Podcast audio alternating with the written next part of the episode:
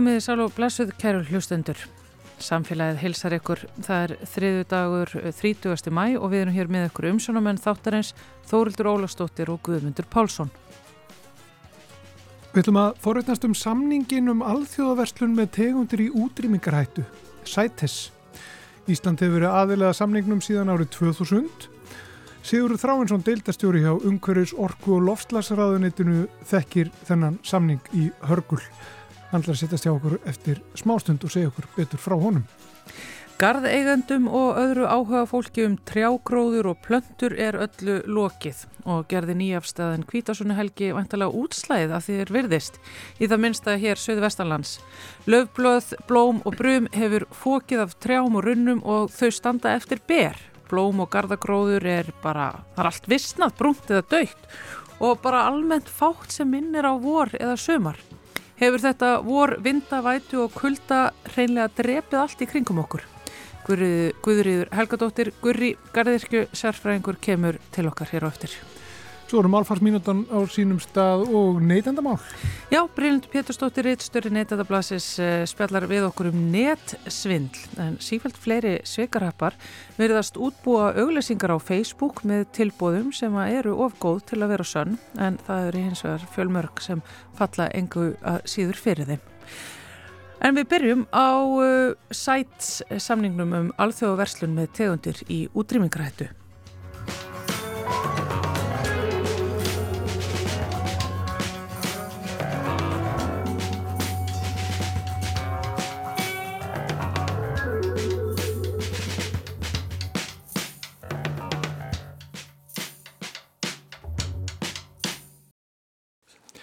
Við ætlum að tala næstu mínútur um uh, samning um alþjóðaverslun með tegundir í útrýmingahættu. CITES samningin. Íslendikar eru aðalara þessum samningi og hafa verið frá árunnu 2000. Hann er hins vegar 50 ára gammal, þessi samningur. Uh, hann var gerður í Washington 3. mars 1973 en uh, öðlega skildi tveimur ára setna. En Sigurður Þráinsson, dildarstjóri hjá Ungverfis Orku og Lofslagsraðunettinu er allt í öllu uh, fyrir Ísland þegar kemur þessu samningi. Er það ekki? Má ekki bara segja það? Já, ég hef kannski lengst reynsluna af þeim sem að starfa við samningin í dag hér á landi. Þannig að, að vissuleit er það rétt, jú. Já, ef við bara byrjum að velta fyrir okkur hvað þetta felur í sér. Þetta er, þetta er samningur um alþjóðaverslun með tegundir í útrymingahættu. Já. Um, það, og þetta er, þetta er heil mikið batteri. Það eru margar tegundir undir og það eru margar þjóðir sem eru aðeinar þessum samningi. Já, það er hárétt.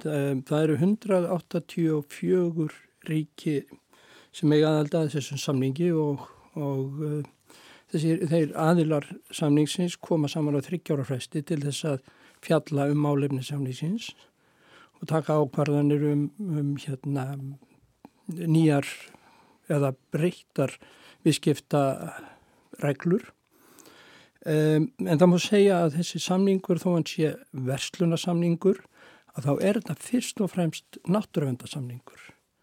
Þess að hann miðar að því að vernda tegundir gegn útrymmingarhættu og geri það í gegnum stjórnun á verslun með þessar tegundir og það er þá alþjóðaverslun. Það skiptir sér ekki af innanríkisverslun en um leið og það er verið farið að flytja út tegundir, afurðir af þessum tegundum að þá kemur það til kasta samlýsins. Og þetta eru dýr og plöndur? Þetta eru bæði dýr og plöndur, já. já. Og, og þá er það þannig sko, er það ekki að ef að þú átt einhvern segjum grip sem er búin til úr einhverju beini eða, eða ham eða eitthvað af dýri sem er í útrymgahettu þá getur reynilega verið stoppaður bara þú ert að ferðast á milli landa þess vegna. Þú mátt ekki taka það með þér. Nei, það eru, eru ákveðna vörur sem að e, mátt taka með sér sem að, að hérna, eru þá svona personulegir munir um, og líka munir sem að kannski þú hefur getur sínt fram á þá að vera átt fyrir gildistöku samlýsins. Það er að segja fyrir 19, 1973 eða 75 En fyrir Íslendinga þá var það viðmöðunar árið 2000 þegar við gerum staðilara samlingum. Um, þannig að, að hérna, þetta, þetta er og getur haft verulega áhrif á, á ferðir fólks. Og um, það er núna í setni tíð að það var búið að taka ímsa tegundir af, af hardvið inn á þennan samling og, og takmörku veslun með slikar afverðir og uh, þetta hefur áhrif á symfóníulhósvitir og um, tónlistamenn vegna þess að, að, að uh, í mörgum gíturum, fylum og hljóðfærum eru er tegundir sem eru í útrýmikarættu. Fylubóarnir flestir eru á þessum samningi þannig að Symfóníuljóðsveit Íslands þegar hún fór til Breitlands í vetur að þá eh, getur vel verið að þau hafi lendi í einhverju vandraðum ef þau hafi ekki haft bóttorðum það að, að hérna, þessar vörur séu svona kleraðar af, af sætis og, og, og uh, það séu við kenda að þær get, geti farið með það millilanda og margar, margar hljómsveitir hafa lend í, í svona vandar, vandamálum Já. og þannig að þetta getur haft margvíslega áhrif á, á ferðamenn og líka ef, þú, ef að ferðamenn er að kaupa vörur einhver staðar út í Afríku, Ameriku eða Asíu mm -hmm. sem að, að þau geta keift á, á markað innanlands og fara svo af stað heim að þá, þá geta það lendi í, í vandræðum og, og það hafi verið teknir og gerir upptækin munir hér á tollinum þegar að ferðamenn er að koma til landsins. Og þetta náttúrulega getur líka haft þér áhrif á ferðamenn sem að koma hingað og kaupa vörur til dæmis kvaltennur uh, nýri í Östustræti er ofta, ofta hægt að sjá sölu aðeila þar með muni úr kvaltönnum og það er á markanu hér nývar með skefti úr kvaltönn og ferðansum menn sem koma hinga þeir þurfa að fá sætisvotu til þess að fara með þessar vörur úr landi þannig að þetta er svona íms áhrif sem að þetta getur haft á, á, sem, á menn sem fara millir landa. Já, ég ætla að spyrja aðeins meir út í hljóðfærin mm -hmm. að því þú nefnir þau. Þetta er mjög áhugavert sko að ef þú átt hljóðfæri sem er búið til úr einhverjum viði eða einhver hluti af hljóðfærinu er úr einhverju viði eða einhverju slíku sem er á þessum lista um, kemur það þá í veg fyrir að þú getur uh, selt hljóðfærið úr mm, landi? Mm, Það kemur ekki í veg fyrir það en, en hérna, þú þarfst að fá vottorð fyrir því hjá yfirvöldum hér á landi útflutningsvottorð og um, það fer eftir tegundinni, það getur vel verið að, að sá sem kaupi gítarinn eða hljóðfærið, að hann þurfa að fá innflutningsvottorð í sínu heimalandi Já. og ég hafði þó að þetta sé sem sagt uh, bara millir manna. Einmitt. Og þetta er tekið mjög alvarlega?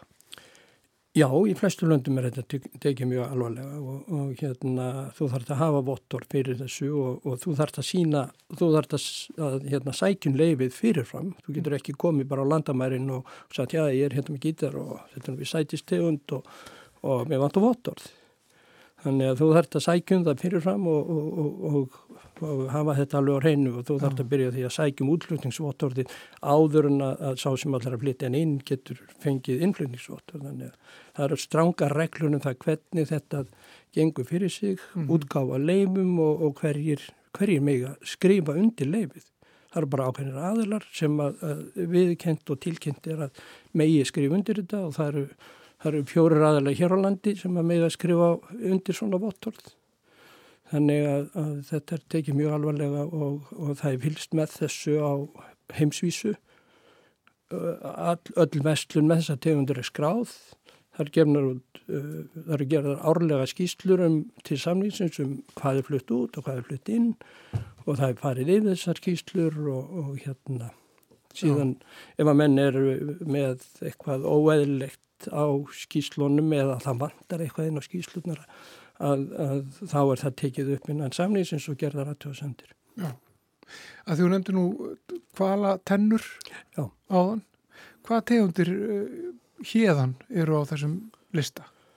Þannig að hvala, allar, allar hvala tegundirnar eru, eru á listanum og það hefur beina tengingum við alþjóða kvalveðráðið þannig að búrkvalurinn og, og, og tennur úr þeim og, og hérna skýðis, afrður og skýðiskólum eru líka þarna inni og síðan eru, eru hákallategundir, það eru konar um 150 held ég hákallategundir á listasamlýsins og hérna það er að vísu bara einn sem er hér við land en, en og svo er núna frá því síðasta frá því á síðasta aðaldaríkjufundi að sem var í november að þá er komin einn plöntutegund hér á landi sem, að, sem er á samningnum og, og er takmörku þar að leðandi veslun með það, alþjóðaveslun og það er burnirótt. Já, mitt. Og það er eina plöntutegundin? Það er eina plöntutegundin, já. já. Og af hverju hún að þessum lista? Það er sko, um, umfáðsmikil versluna með þessa tegund og um, það er fyrst og fremst kannski verið í, í, í Kína, Östurlöndum og, og inn í Rósland held ég. Og um, hefur, hefur hérna gengið verulega á þessa tegund á mörgum svæðum. Og um, út af, út af því að það er erfitt að gera greinamund á þessum tegundum millir landa að þá var öll ætt, heil ættkvísla af, af þessum tegundum sett á listan núna í november og þar meðal sagt, íslenska börnirótin.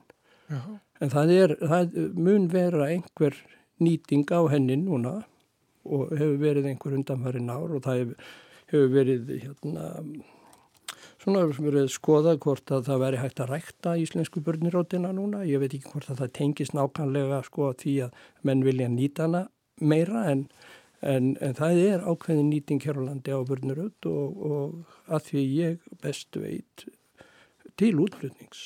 Já, við mitt.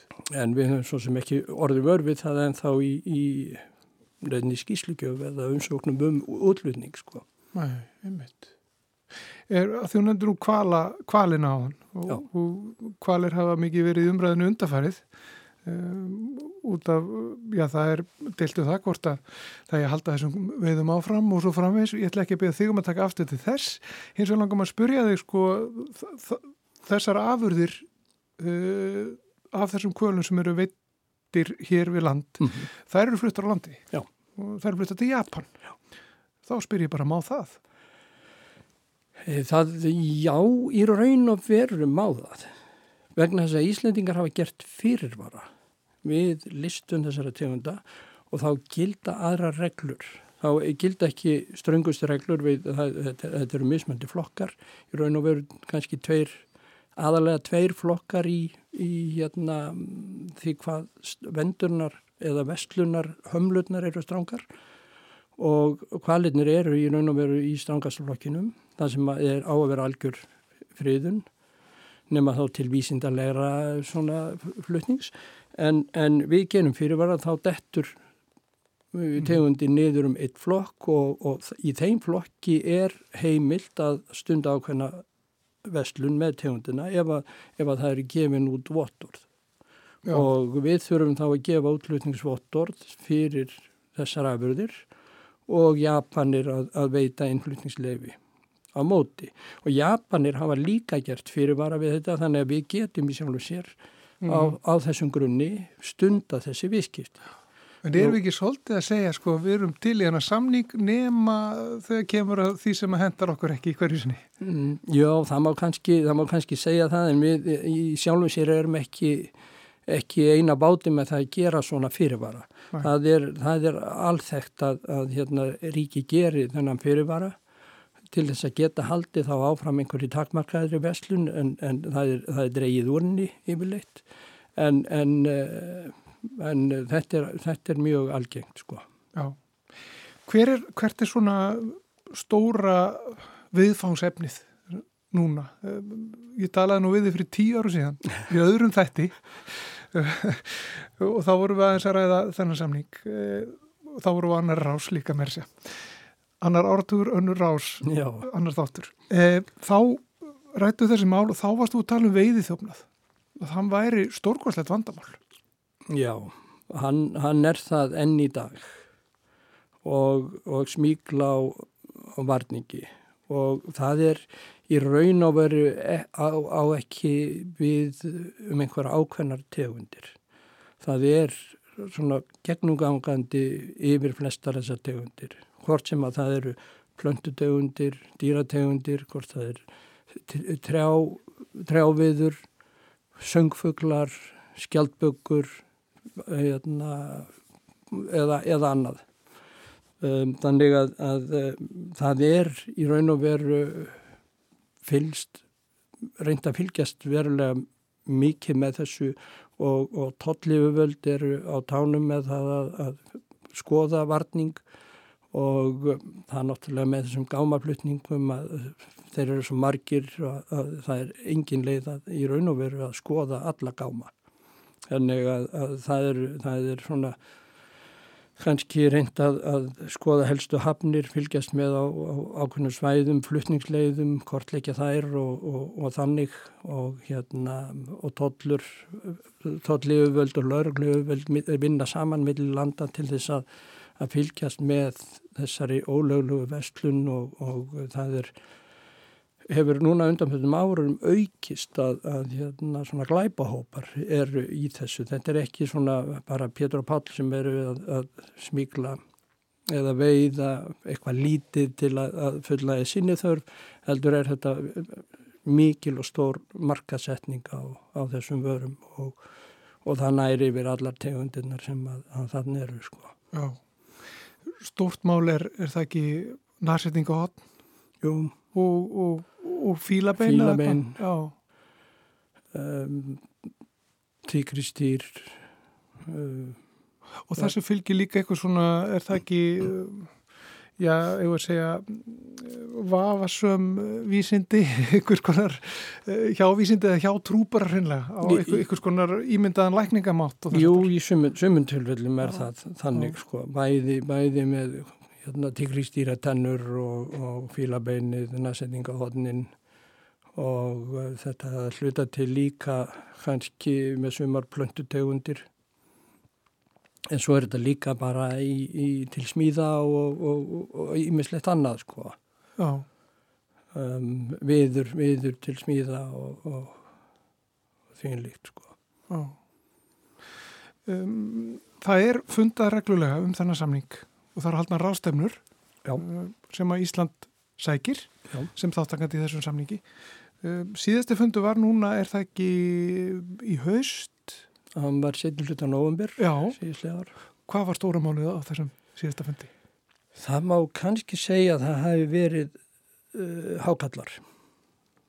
Uh, þessi fundur var í Panama og uh, Panama hefur í raun og veru lagt mikla áherslu undanfarið á vendun sjávartegunda og, og þar má segja að hákallarnir hafi verið það sem að, að skipti þá mestu máli og þeir lögðu lang, lang mesta áherslu á. Það má segja að á, á þessum fundi hafi orðið svolítið viðsnúningur gangvart hákallartegundunum að, að hérna núna fóru þær flestar, flestar í gegn við höfum á undanföldum fundum verið alltaf með tilugur um hákallategundir inn á uh, viðauka samningsins og, og hérna, það hefur verið skip, mjög skipta skoðanir um, um það hvort að, að það er eittu að fara, vera samþittar inn á um, samningin.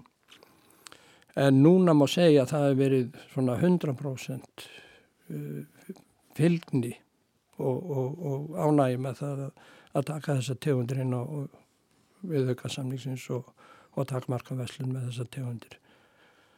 Um, en, en, en á sama tíma þá má segja að það hafi verið svolítið ágreiningur um það hvernig um, svona fjallað er um, um ástand og, eða stöðu þessa hákallategunda og þörfina á því að, að hérna, taka þá inn á, á samningin og, og um, svona spurningum það hverjir eiga að vera ráðgjafar í því ferli vegna þess að FAO hérna, hefur verið með svona sérfrænga panel um sjávartegundir sem er matalastofnum saman í þjóna og þeir hafa yfirleitt farið yfir þessar tillögur um að lista tegundirnar mjög nákvæmlega en samningunin sjálfur er svo með annan hóp sérfræðinga sem að, að skoða þetta líka og, og þeir eru oft ekki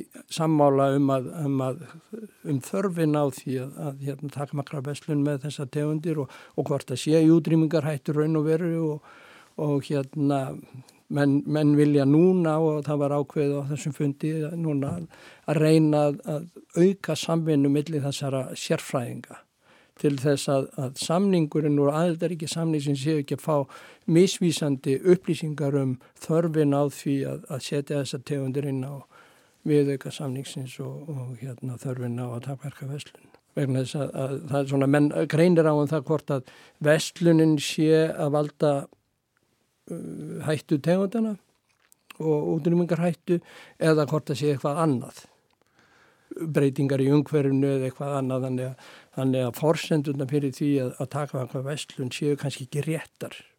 Já, einmitt. Og um þetta... Um þetta á að, á að takast á núna eða, eða vinna þá að vinna því að, að bæta þetta ferli og ráðgjafa ferli um, um ástandi og þörfina á, á þessum, þessum aðgerðum. Sko. Já, við skulum fara að ljúka þessu eh, um eh, sætes samningin, það er samningurinn um alþjóðaverslu með tegandur útrýmgahættu sem að Íslindikar eru hluta af. Þetta er kallað upp á ennsku Convention on International Trade in Endangered Species of Wild Fauna and Flora. Það er sætis. En gaman að fá því heimsókn Sigurður Þráhansson um, deildastjóri hjá umhverjus orku og loslasræðunettinu Takk fyrir að segja okkur allt um sætis samningin Já, þakk fyrir að bjóða mér. Alltaf ánægilegt að koma hér Og við ætlum næst að setjast neður með Gurri í gardinum hér á eftir henni Guðri Helgadóttur Garðurskjufræðingi og það er af því að svo verðist vera sem gardurinn okkar hafi fókið upp allavega hér sunnalands og þá er nú bara eitt lag sem er nóg dramatíst til þess að vera yngangur af því. Landið fíkur burt með Río 3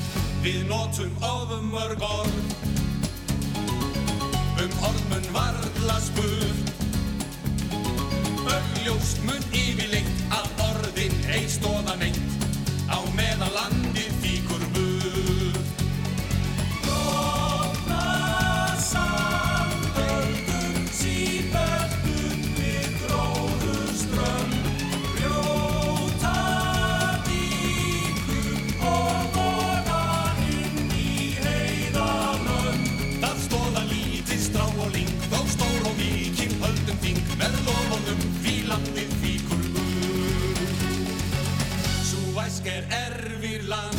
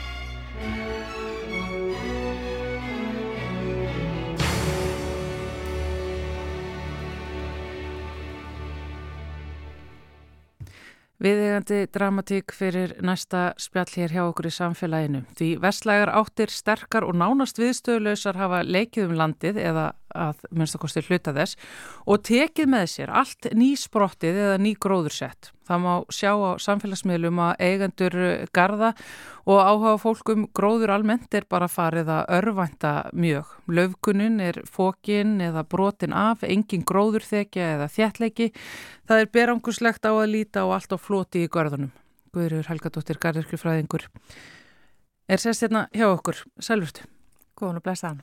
Það er eins og nýjafstæðin helgi, kvítasunnuhelgin, hafi bara hreinlega gert útslæð að því að allstaðar á samfélagsmiðlum og, og hvar sem að maður heitir fólk fer um með upprópunum.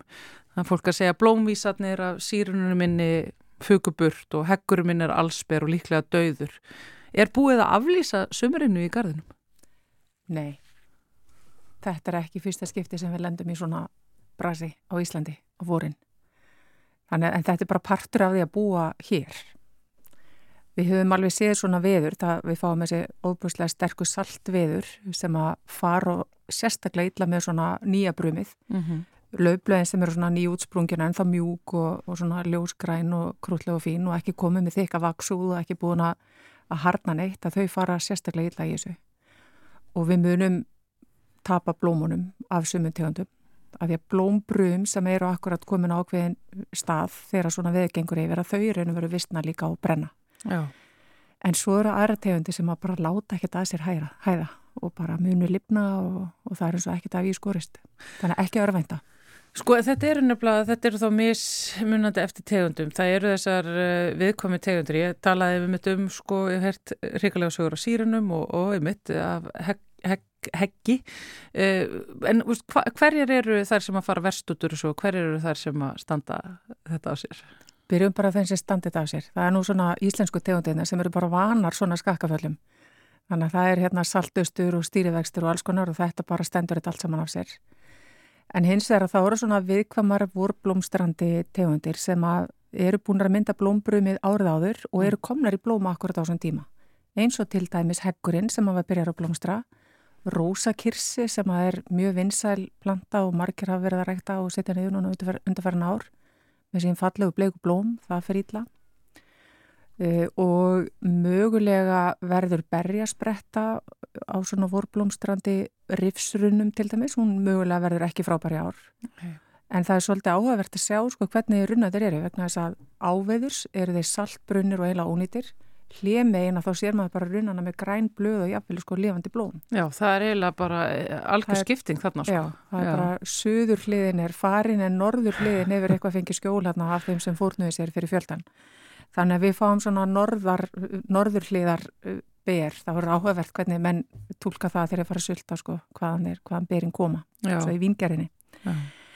En svo eru líka fjölararplöntur sem hafa verið svona nýsbrotnar upp á moldinni, það eru margar saltbrunnar og illafarnar, en það sem gleður kannski landan og ætti að gleði alla er að njóli hefur farið illa, nýsbrottin njóli, hann er líka saltbrunnin og illafarin, þannig að það getur nú einhver hlakað ef því. Já, já, það fáttur svo með öllu illt og það framöndu göttunum. En sko, hvað eiga þá garðeigundur að gera? Það er annað sem að er líka mikið verið að kvart undan á samfélagsmiðlum að, garðeigundur og, og fólk með græna fingur hefur, veist, ætti alla jafna ef allt var eðlilegt viðfari að vera búin að vera með hendunar á sér í mold núna í margar vikur. En fólk hefur bara ekki haft geð í sér. Það búið að vera skýtkallt og rennandi blöytt og bara ekkert gaman að sinna sér garðstörum. Það er bara alveg ríkala leðilegt, samt hvað það segja. Sko, það er í raun og veru fátt að hægt að gera við þessum kulda, annað en bara ræða við veðurfræðingu og segja hvort þið getur retta betra veðri. Já. Og ég vona þeir hafið sambönd, en varðandi saltausturinn eins og við sá núna, að þá eru nú svona lengra komni garðeigjandur að þeir eru bara búin að tengja varslönguna sína og þeir fara út eftir svona veður og þeir skóla hreinlega plöntunir í garðeigjanum sínum. Jafnvel þó að sé alltaf regning? Jafnvel þó að sé alltaf regning vegna þess að það er svo, það fylg í svona miklu róki og sérstaklega hérna á svona söðvestanlands þegar við fórum þess að vestanóttir að þá kemur svo ótrúlega mikið að salti með þessu hýfandi róki. Það er svona írist upp, Já. bara salt úðum frá sjónum og þetta sallast yfir alla plöntunar og það er ímsu hægt að bjarga með því að skóla plöntunar vel eftir svona veður. Því annars situr bara saltið á blöðunum í brumunum og næra halda áfram að brenna blöðin. Halda nákvæmlega ekki að maður sé orðin eitthvað hálf klikkar ef maður stendur í mýgandi regningu og, og róki út í gardi að spröyta á allt í kringu sig. Ja, þeir halda ekkit um það, þeir vita það. Þarna er bara síðasta glóran farin. Þannig að þetta er eitthvað sem geti, maður ætti að gera. Þetta, svona, já. já. Sko, varðandi það að því þegar maður sér til dæmis já, þessa tegundur og þennan gróður og, og þessi tré sem hafa farið í llúti og er bara haustlega á að líta, allsbyr og beranguslega og veistu, mikið af þessu bara, maður, maður heldur að þetta sé dögt að þetta bara hreinlega lítur þannig út. Hvenar er hægt að úrskurða um það hvort að, að þetta lifi þetta af eða hvort þetta taki við sér og er eitthvað sem maður getur gert til þess að lífka þetta við eða er þetta bara í dái og líður þessu í þessi læknur og bráðmáttökunni? Já, þetta er svolítið bráðmáttökan. Í fyrsta lagi þá þá maður nú aðeins að kanna, eru einhver löfblöð í gangi á plöntunum, einhver svona heilleg löfblöð. Það er alltaf leiðu síðan sviðnu á jöðrunum en ef þau eru svolítið græn þá getum við mögulega gefið plöntunni lífsvon mm. Og síðan eru marga plöntu þannig að þær geta komið sprengt út brum sem ekki eru nú þegar útsprungin. Þannig að þær eiga svolítið inni. Það getur verið að endin á greinunum fari, hann er bara brunnin, en svona brum sem eru ofar á plöntunni geti tekið síðan við. Þannig að ekki gefa upp vonina fyrir en eftir svona kannski vikur. Já, alltaf. Þannig að maður eru ekkert eitthvað að fara að rífa neitt uppi núna þó að þetta líti illa út. Alls ekki núna. Já, það er líka annars sko að þetta er það sem er að gerast ofægjara sem maður sér. En svo skils manni að það sé einmitt ekkert neitt betra að gerast hjá rótunum hjá þessum greinum heldur af því að þau eru náttúrulega sko það er allt gjörsamlega á floti.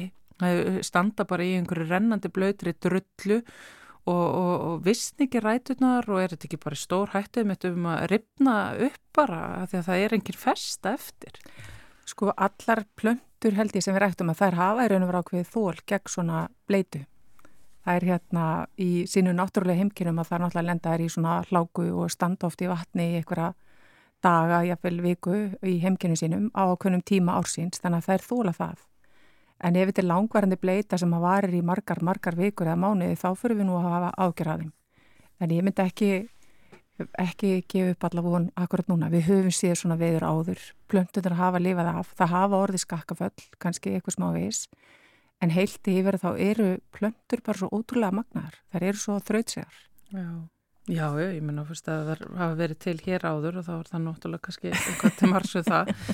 En maður fer samt, ég veit ekki, ég vil ekki vera neikvæða svart sinna, maður fer samt að hugsa sitt að að er, þetta er áfall fyrir gróðurinn okkar mm. núna og minna núna um jólinn til dæmis, fyrir jólinn og þessu ári, fyrir vetur, að þá kom rosalega mikið hlýjendatífambil og þá er mitt bárust fréttir af því að það væri einhver gróður sem væri hreinlega bara orðin eitthvað rugglegarum í, í rýminu og farin að stað eins og það væri vor mm. Sem fór svo ítla því að kvöldin kom síðan. Já. þannig að þær voru slegnar niður þá og núna fór gróður á stað því að það er vor en voru slegið niður með þessum leðendum í veðri sem það eru núna. Þa, það er svo stutt á milli svona stóra áfalla. Já. Uh, Já, algjörlega. Og við sjáum alveg plöntur sem koma mjög illa undan vetri eins og sígrænar plöntur. Lingrósir og svona viðkvamari síkranategundir, sumar einitegundir, tújur og síbrusar, þetta er meira meina bara dáið. Já. Og það er í raun og veru þessi, þessa miklu seiflur eins og segir, það kom alltaf svakalett frost fyrst í desember, svo kom hlýjindakabli og svo kom aftur brunagattur og þetta er ekki heppilegt fyrir viðkvamar síkranaplöntur sem að vilja helst hafa bara, það er þólega kannski alveg kuldan en það er gott að kuldin sé bara í einu lægi yfir veturinn og svo komið hlýjindi. Já. En þetta með að tvískipta svona kuldanum og komið svona saltani. Þetta er er, er íslenskt, ótrúlega íslenskt eitthvað. Þannig að þú veist, það er margt sem að er bara ítla farið.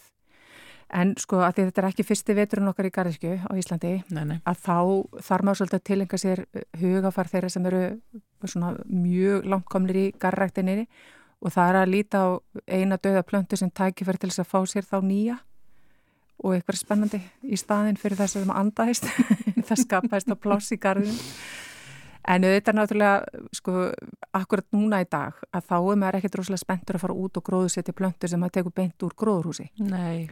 Ekki í róki og svona miklum kulda. Ég var að kerja verið heldur segðin áðan og það var alveg 60 að hiti sem er alveg frábært í lók mæ það er engin, engin sumablóm að fara út í minngarði þessum hita.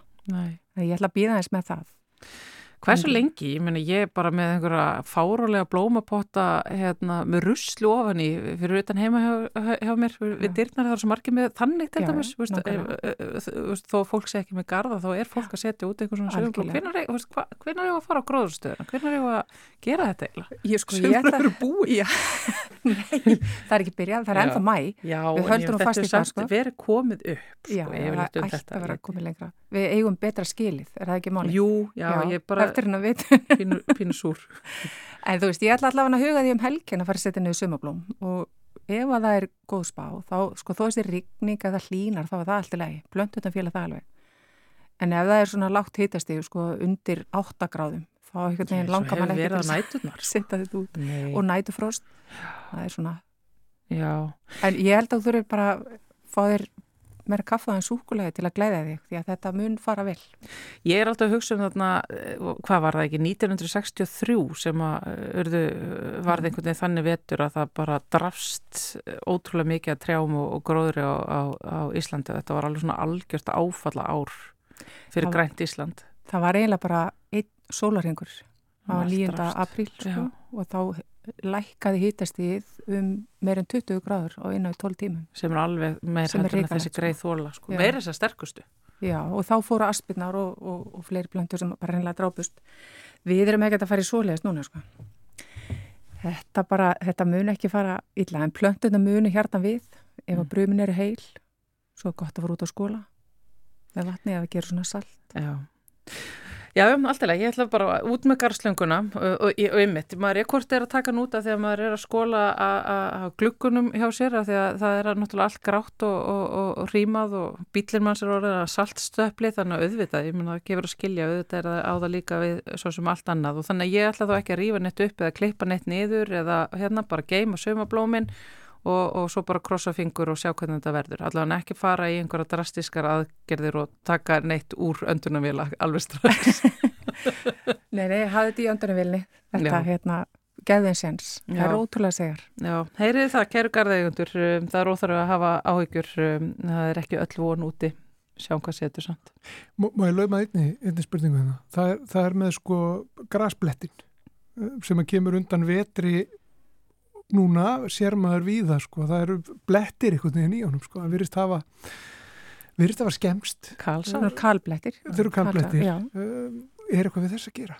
Það er best að kraka upp í raun og verið því sem er dáið og þetta er í raun og verið bara döðablöndur og koma nýju fræi ofan í og sjá svo bara til hvort það hlýn ekki og koma upp nýtt græs í staðin Já, en þegar allt er svona blöytt og hefur verið svona blöytt þarf þá bara sól í tvo daga og þá bara fer allt á fleiðferð eða hvað? Sko fyrst og fremst það er bara eins að hlýna. Þó kom ekki sól, ef það er hlýtt í veri að þá fara plöndunar að stað. Og það er alveg útrúlega ánaðar eða verið tveggjast af að tala í, í hittastíðinu sko, bara rétt eins og við. En auðvitað náttúrulega ef við fáum líka sól þú veist, þegar maður eiginlega þorir ekki að fara fram á kortækja mm.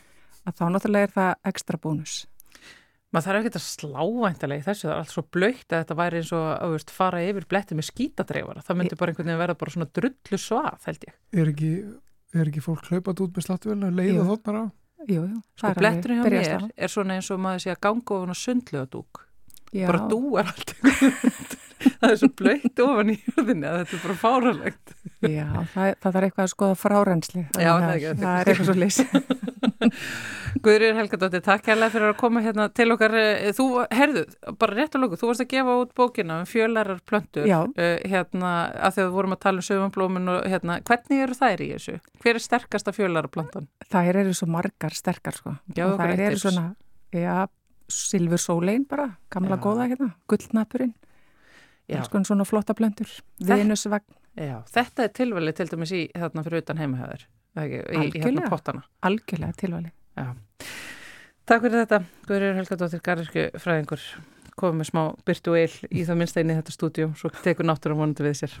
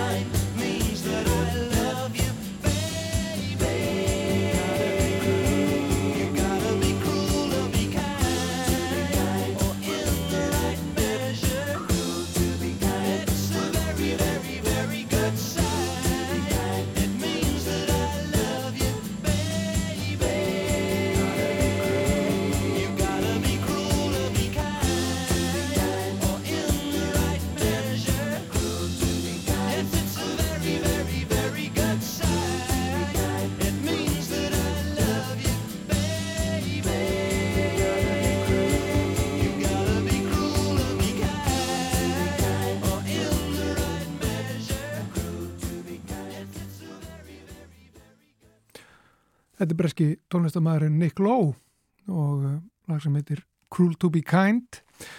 En Lowe hann uh, held tónleika á St. Elvis Costello uh, núna í gær kvöldi. Í, í fyrrakvöld sig í, í Hörpu í Eldborg og kom þarna fram með Elvis Costello.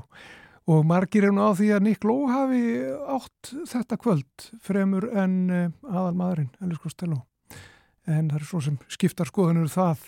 Um eftir að heyra hér neytendarspjall en við ætlum fyrst að heyra málfarsminútu.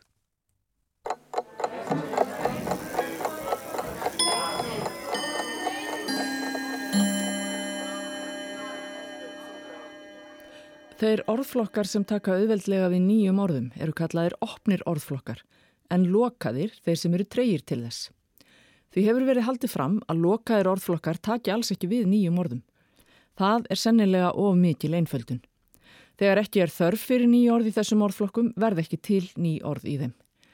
Við höfum ekki haft sérstakka þörf fyrir nýjar fórsetningar eða samtengingar og þess vegna hefur þeim ekki fjölgað í málinu.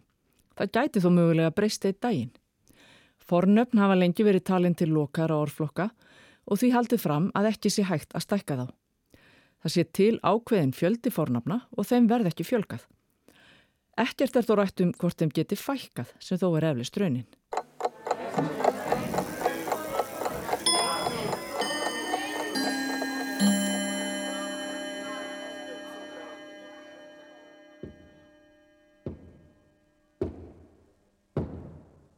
Ma, ma, ma, má ég koma inn fyrir? Blessa! Það er alltaf læg og eins og maður.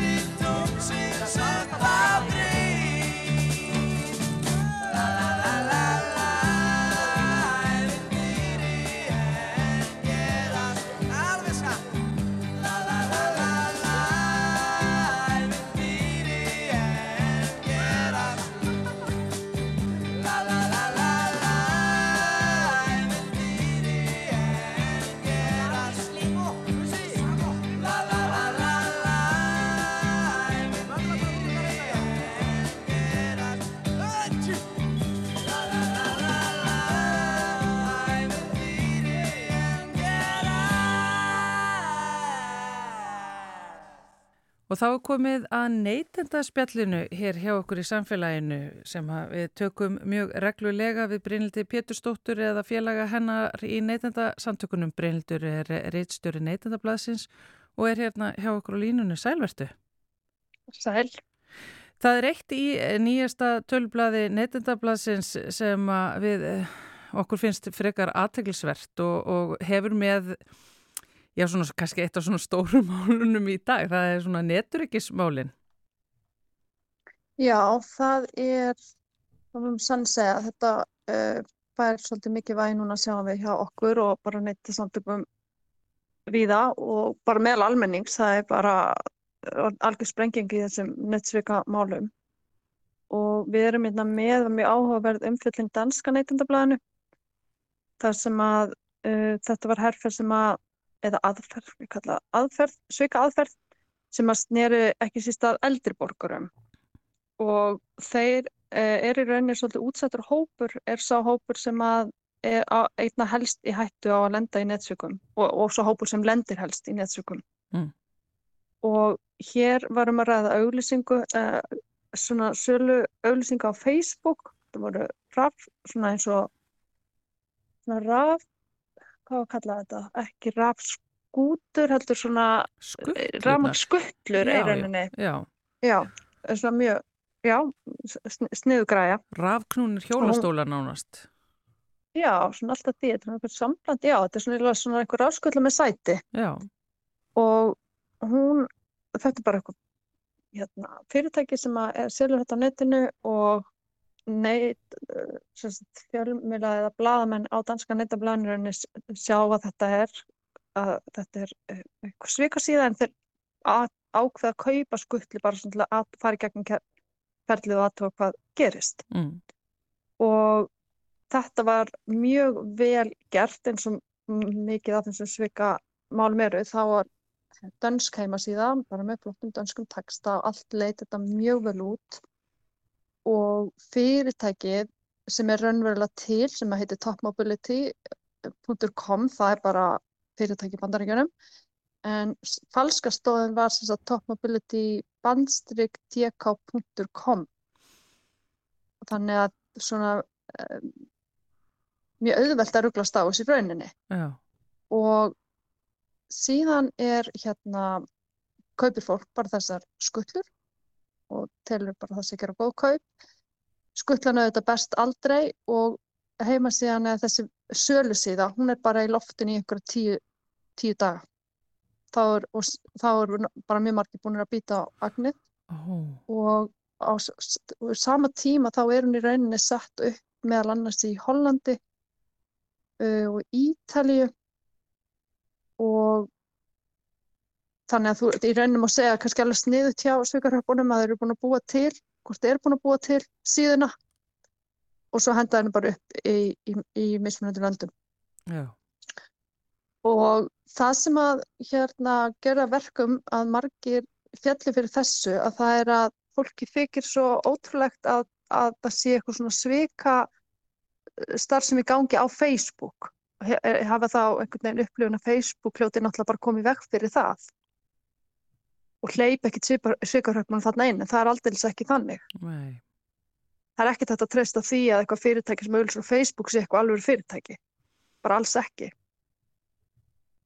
Þannig að þarna var bara af fólki sem að tapaði, tapaði pening á þessu.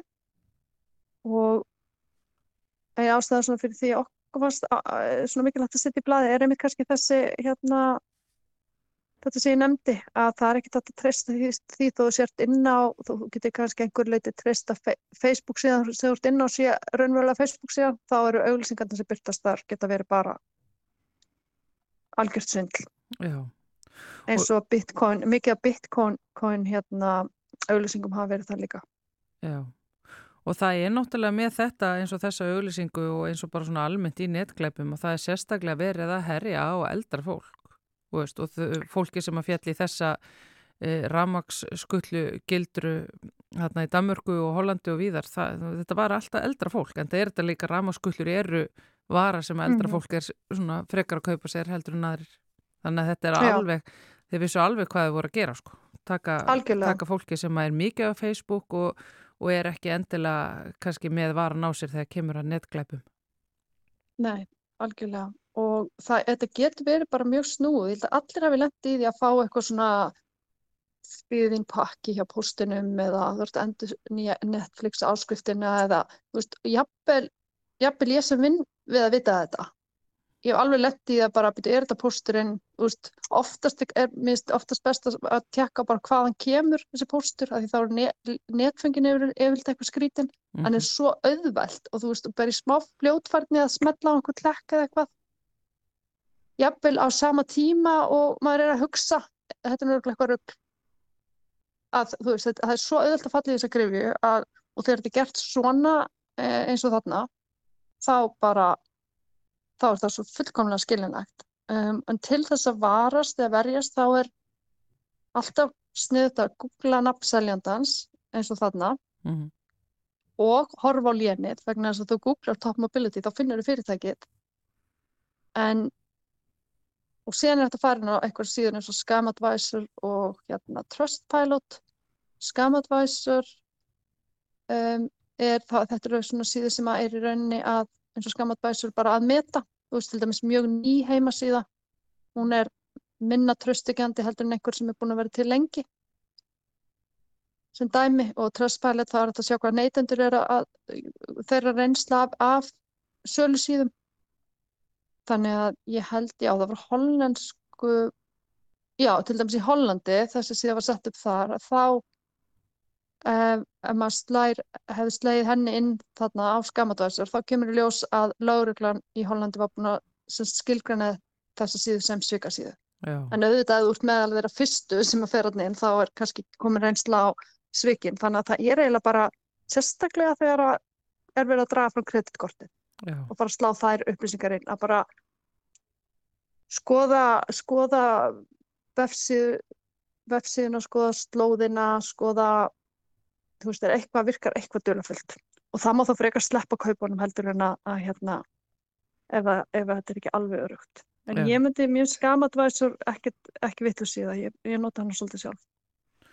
Um að gera að, að hafa varna á og fyrir þau sem eru einmitt að sjá eitthvað svona sem er kannski of gott til þess að vera satt og það þarf að drífa í því að stökka á tilbúið að þá einmitt er ágætt að bera þetta líka bara undir einhvern nálægt sér ef að maður er ekki mjög vel tölvulæs. Það má í rauninni segja að ein, e, e, eitthvað svo svona það er að það farður eitthvað eftir þér. Já, það er bara strax þá átt að hugsa bara hm, það gerist ekkert og oft það hefur komið fyrir að ég fæ eitthvað sem að ég veit ekkert hvort það er eitthvað endur nýjan á Netflix eitthvað. Ég hugsa ef ég skulda einhverjum eitthvað þá mun hann hafa samband aftur. Já, gerist ekkert þó ég borgið ekki núna ef þetta er réttmætt. Vegna þess að við komum mun alveg vilja fá greitt og þá mun það bara komið ljós. Já, þannig að allt þetta þess vegna var þarna átaki taktu tvær sem að um, hérna samtök fjöla nei, samtök atvinnulísu, neita samtökin og samtök fjármálfyrirtækja stóðu fyrir, hérna, fyrir síðast ári að sem hér taktu tvær af því þá er hugmyndin bara staldraði við bara aðeins að hugsa málið áður en er farið að hérna, slá eitthvað inn eða gefa kortanum eða hvað það er já. Þau eru alltaf líka einhvern veginn að verða síðlösar og síðlösar þessi sveik og náttúrulega þau vestu eru náttúrulega þegar verið að spila með tilfinningar fólks eins og til dæmis í svona ástar og vináttu málum. Já, það er, við gáum út bækling með hérna í samstarfi félag eldri borgara. Þar eru við með nokkur góð ráð gegn net, netkleipum og ég veit að hann bækling má finna á allavega á heimasíðunni hjá eh, landsambandi eldri borgara var þetta. Þannig að það er lep.is. Uh, Það er hægt að finna bækling þar sem eru svona tiltölulega held ég skýr og góðu texti um þessi helstu svik, einmitt ástar og vináttu svik messenger, svikaskilabóð um, og þessi fjárfestasvik sem að margir eru að fara mjög illa út úr og einhvern veginn er, er bara dæmið það að fólk er einhvern veginn búið að hleypa einhverjum inn í heimabankan svona í gegnum fjár, einhver bara einhver stöður út í heimi, bara hræðileg mál þannig að hérna það var aldrei ofarlega farið í þessu. Já, svo orða sönnu breyndur um, um að gera fyrir fólk að hafa uh, varna á sér og kíkja á neyndadablaðið og lesa þessar greinar. Það eru góðar og gefa góð ráð og vekja til umhugsunar. Breyndur Pétursdóttir, rítstjóri neyndadablaðsins, takk hérlega fyrir spjallið hér í samfélaginu. Takk hérlega. Og með þessu neytendaspjalli ljúku við samfélaginu þennan þriðjudag. Maður er daldið ringlaður. Það er þriðjudagur þóldur, það er ekki mándagur. Já, já, já, það er þriðjudagur, það er ávist að vera vor, sumar og næsta leiti. Já, það er raustan, ýmislegt í- fínt raustan já, núna. Allt frábært Við sendum raustan. bestu kveður þangað, Njótið. njótið og ég vil segja það bara við alla hlustendur, njótið. Við heyrumst á morgun. Verðið sæl.